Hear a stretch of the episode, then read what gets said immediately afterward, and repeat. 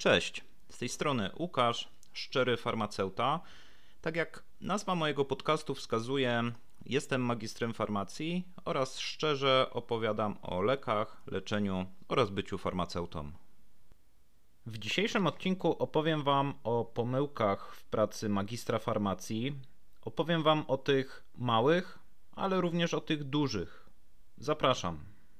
Ludzie niezwiązani z farmacją raczej nie mają pojęcia o tym, ile czyha możliwości pomyłki każdego dnia na pracownika apteki. Pośpiech, interakcje i bodźce dopływające z każdej strony. Dzwoni telefon, a jesteś akurat w trakcie obsługi pacjenta. Ktoś z kolejki krzyczy: Ja tylko zapytam, bo zaraz mam autobus. Macie na stanie ten syrop? Dodatkowo wiesz, że masz do sprawdzenia jeszcze setkę recept, zrobienie zwrotów, zrobienie zamówienia. Znalazłoby się jeszcze parę obowiązków, w trakcie których akurat jesteś. Momentami można dostać jobla. Są momenty, że idziesz do magazynu po leki, które akurat przygotowujesz i po ludzku klniesz, żeby dać chwilowy upust napięciu i czasem frustracji. Czy można się pomylić w tej gonitwie? No oczywiście, że można. Nie każdy dzień tak wygląda, oczywiście. Są dni spokojniejsze, tak zwane przed wypłatą, ale są również dni po wypłacie, a wtedy bywa różnie.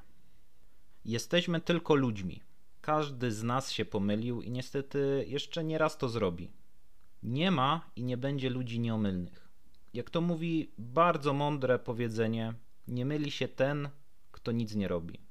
Najważniejsze, aby jak najszybciej zauważyć pomyłkę i ją naprawić. Pracy magistra są różne pomyłki. Są pomyłki biurowe, gdzie źle wprowadziło się faktury zakupowe towaru, źle zamówiło leki, albo czegoś się nie zamówiło, zamówiło za dużo i wiele różnych innych, mówiąc krótko, głupot, jak źle wprowadzone raporty do systemu, źle podliczone salda itd. Tak itd. Tak Takie problemy są tak naprawdę gówno warte. Są też błędy nieco wyższego stresu, mianowicie związane z wypłatą utargu do banku.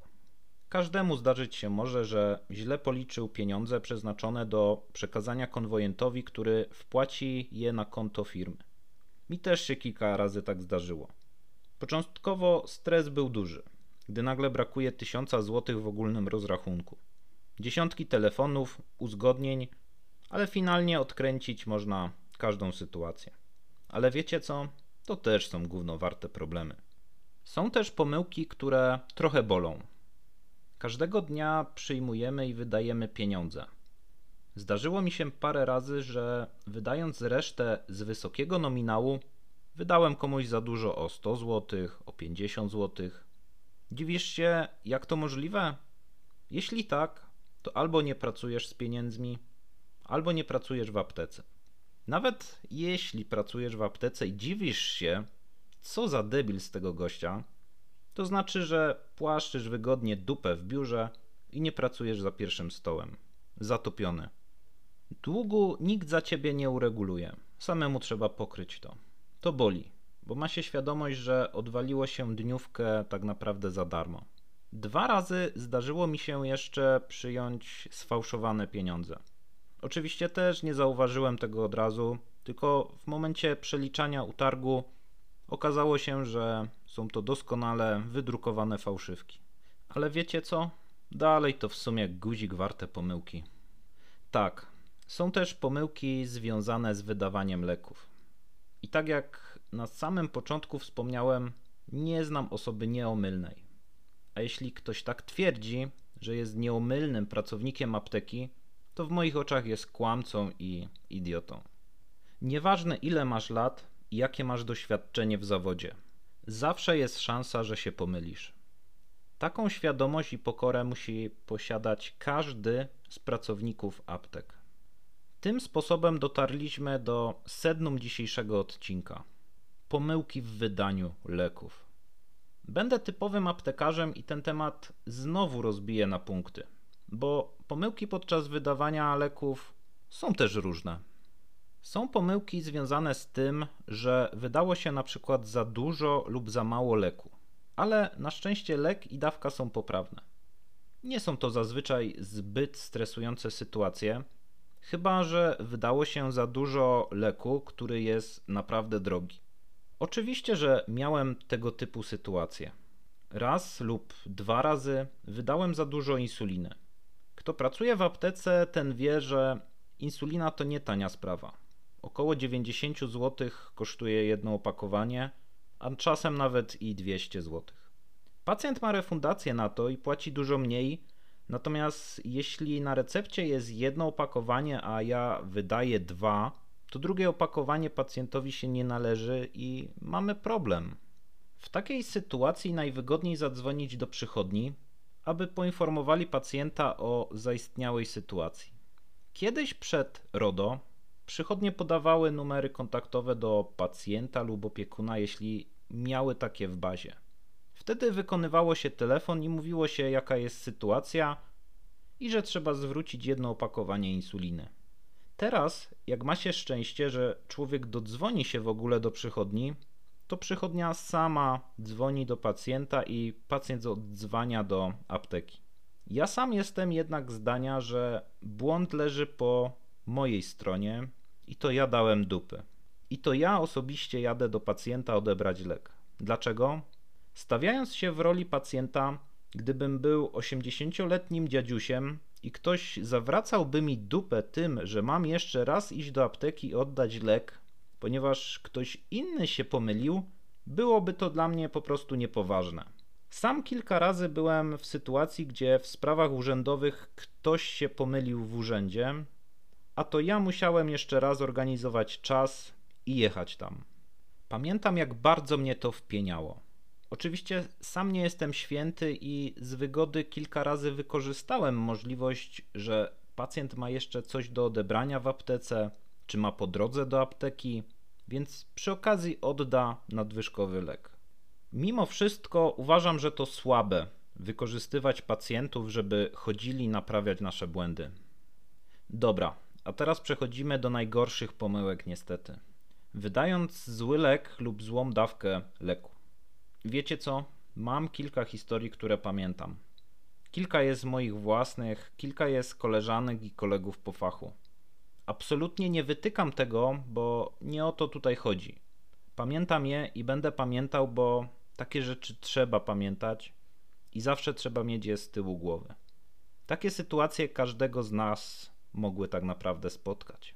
Są leki, gdzie wydanie złej dawki nie jest jeszcze tragedią. Na przykład leki na cholesterol. Nikomu krzywda się nie stanie, jeśli wziąłby jeden dzień złą dawkę. Albo na przykład leki osłaniające żołądek. Są jednak leki i przypadki, gdzie podanie złej dawki może skończyć się źle. Przytoczę tutaj trzy historie osób, które wydały złą dawkę paracetamolu dla kilkumiesięcznego dziecka. Nie będę przytaczał miejsca oraz dat tych wydarzeń. Sytuacje były niemal identyczne. Pacjent poprosił paracetamol w czopkach dla trzymiesięcznego dziecka na gorączkę. Oczywiście dobór dawki i częstotliwość przeliczana jest na masę ciała dziecka. W tym przypadku nie ma żadnej wątpliwości, że prawidłową dawką paracetamolu w czopkach to 50 mg. Niestety osoby zamiast 50 mg wyciągnęły i wydały dawkę 500 mg, która przeznaczona jest dla osób powyżej 12 roku życia i powyżej 50 kg masy ciała. Jest to lek dostępny bez recepty, dlatego nie ma możliwości weryfikacji przez inną osobę, czy lek został poprawnie wydany. Niestety dwie historie zakończyły się źle. Dzieci trafiły do szpitala z podejrzeniem uszkodzenia wątroby. W jednym przypadku rodzice nie wytaczali procesu sądowego, w drugim już tak. Trzecia historia zakończyła się tak, że rodzice sami zorientowali się, że dawka się nie zgadza i przyjechali do apteki wyjaśnić sprawę. Nie byli oczywiście zachwyceni, ale nie postanowili wyciągać sprawy dalej. Jedną z osób z tych trzech historii znałem osobiście. Nie życzę nikomu przeżywania takiego stresu i napięcia. Od tamtej pory za każdym razem, gdy wydaję paracetamol lub ibuprofen dla malutkiego dziecka, mam z tyłu głowy tę historię. Sam pamiętam jedną swoją historię. Wydawałem antybiotyk na receptę, również dla malutkiego dziecka. Rodzice poprosili jeszcze o paracetamol w czopkach. Wydałem leki, wytłumaczyłem jak stosować. Potem podczas retaksacji recept dopadły mnie wątpliwości. Czy faktycznie dałem dobrą dawkę paracetamolu? Było około godziny 19, więc przychodnia zamknięta. Nie mam możliwości kontaktu z pacjentem. Mając w głowie tę historię moich byłych współpracowników, wsiadłem od razu w samochód i podjechałem pod adres, który był na recepcie. Na szczęście wydałem dobrą dawkę paracetamolu. Oczywiście nie przytoczę tutaj wszystkich swoich błędów i pomyłek, bo ich po prostu już nie pamiętam. Pamiętam kilka. Jedną z poważniejszych moich pomyłek było błędne przygotowanie w recepturze kropli ocznych z atropiną. Zamiast na soli fizjologicznej przygotowałem je na zwykłej wodzie do iniekcji. Na szczęście osoba retaksująca po mnie recepty wieczorem wychwyciła to, pojechała do pacjenta, odebrała błędnie wykonane krople, a następnego dnia wykonałem jeszcze raz te krople już we właściwy sposób i dostarczyłem pacjentowi. Zdarzyło mi się też wydać błędnie Nebut, Pulmicort, krople oczne czy tabletki na ciśnienie. Na szczęście za każdym razem albo sam się orientowałem podczas retaksacji, albo ktoś retaksujący po mnie recepty zauważał, że zwaliłem temat. W dzisiejszej dobie e-recept dużo trudniej o pomyłkę. System sam krzyczy, gdy skanujemy niewłaściwy lek. Oczywiście w pędzie codziennego hardkoru w pracy możemy szybko przeklikać ostrzeżenia, nie zwrócić uwagi na to, że wydajemy zły lek. Jednak jest to dużo trudniejsze niż za czasów, gdy były tylko papierowe recepty, gdzie błąd można było popełnić już podczas próby odczytania zapisanego leku. Na koniec opowiem Wam jeszcze historię z mojej pracy w aptece całodobowej w Świnoujściu. Dotyczy też pomyłki, ale nie w wydaniu leku, tylko w kwestii merytorycznej recepty. Ale do rzeczy. Realizowałem dwie recepty na większe ilości madoparów i innych leków. Całkowita refundacja tych dwóch recept wynosiła jakieś 600-700 zł. Tylko był mały problem. Okazało się, że nie zwróciłem uwagi na dawkowanie leków, które było niewłaściwe. I co najgorsze, recepta wymagała poprawy. Podczas kontroli z NFZ-u recepta zostałaby zakwestionowana. Zostałaby nałożona kara na aptekę oraz na osobę, która wydawała te leki. A tą osobą byłem ja. Dlatego zależało mi na tym, aby poprawić tą receptę. No dobra, to spróbuję poprawić tą receptę. Patrzę na adres wystawienia recepty i co się okazało? Były to gliwice. Mówię, ja pitole. Przypominam, że jestem w danym momencie w Świnoujściu, na drugim końcu Polski, a pacjent akurat przebywał na wakacjach nad morzem, gdzie postanowił wykupić leki. Skontaktowałem się mimo wszystko z lekarzem, który wystawiał recepty. Miałem to szczęście, że trafiłem na w porządku człowieka. Dogadałem się tak, że wyślę pocztą recepty, a pan doktor poprawi je i odeślę na adres apteki. Oczywiście istniało ryzyko, że pan doktor nie odeśle tych recept albo odeśle na zły adres i będę w czarnej dupie. Ale postanowiłem zaryzykować. Cały proces trwał kilka tygodni, ponieważ w międzyczasie pan doktor był też na urlopie, ale finalnie poprawione recepty trafiły do mnie z powrotem. Moje cztery litery uratowane. W dzisiejszym odcinku to wszystko. Zapraszam Cię na mój Instagram Szczery Farmaceuta i do usłyszenia.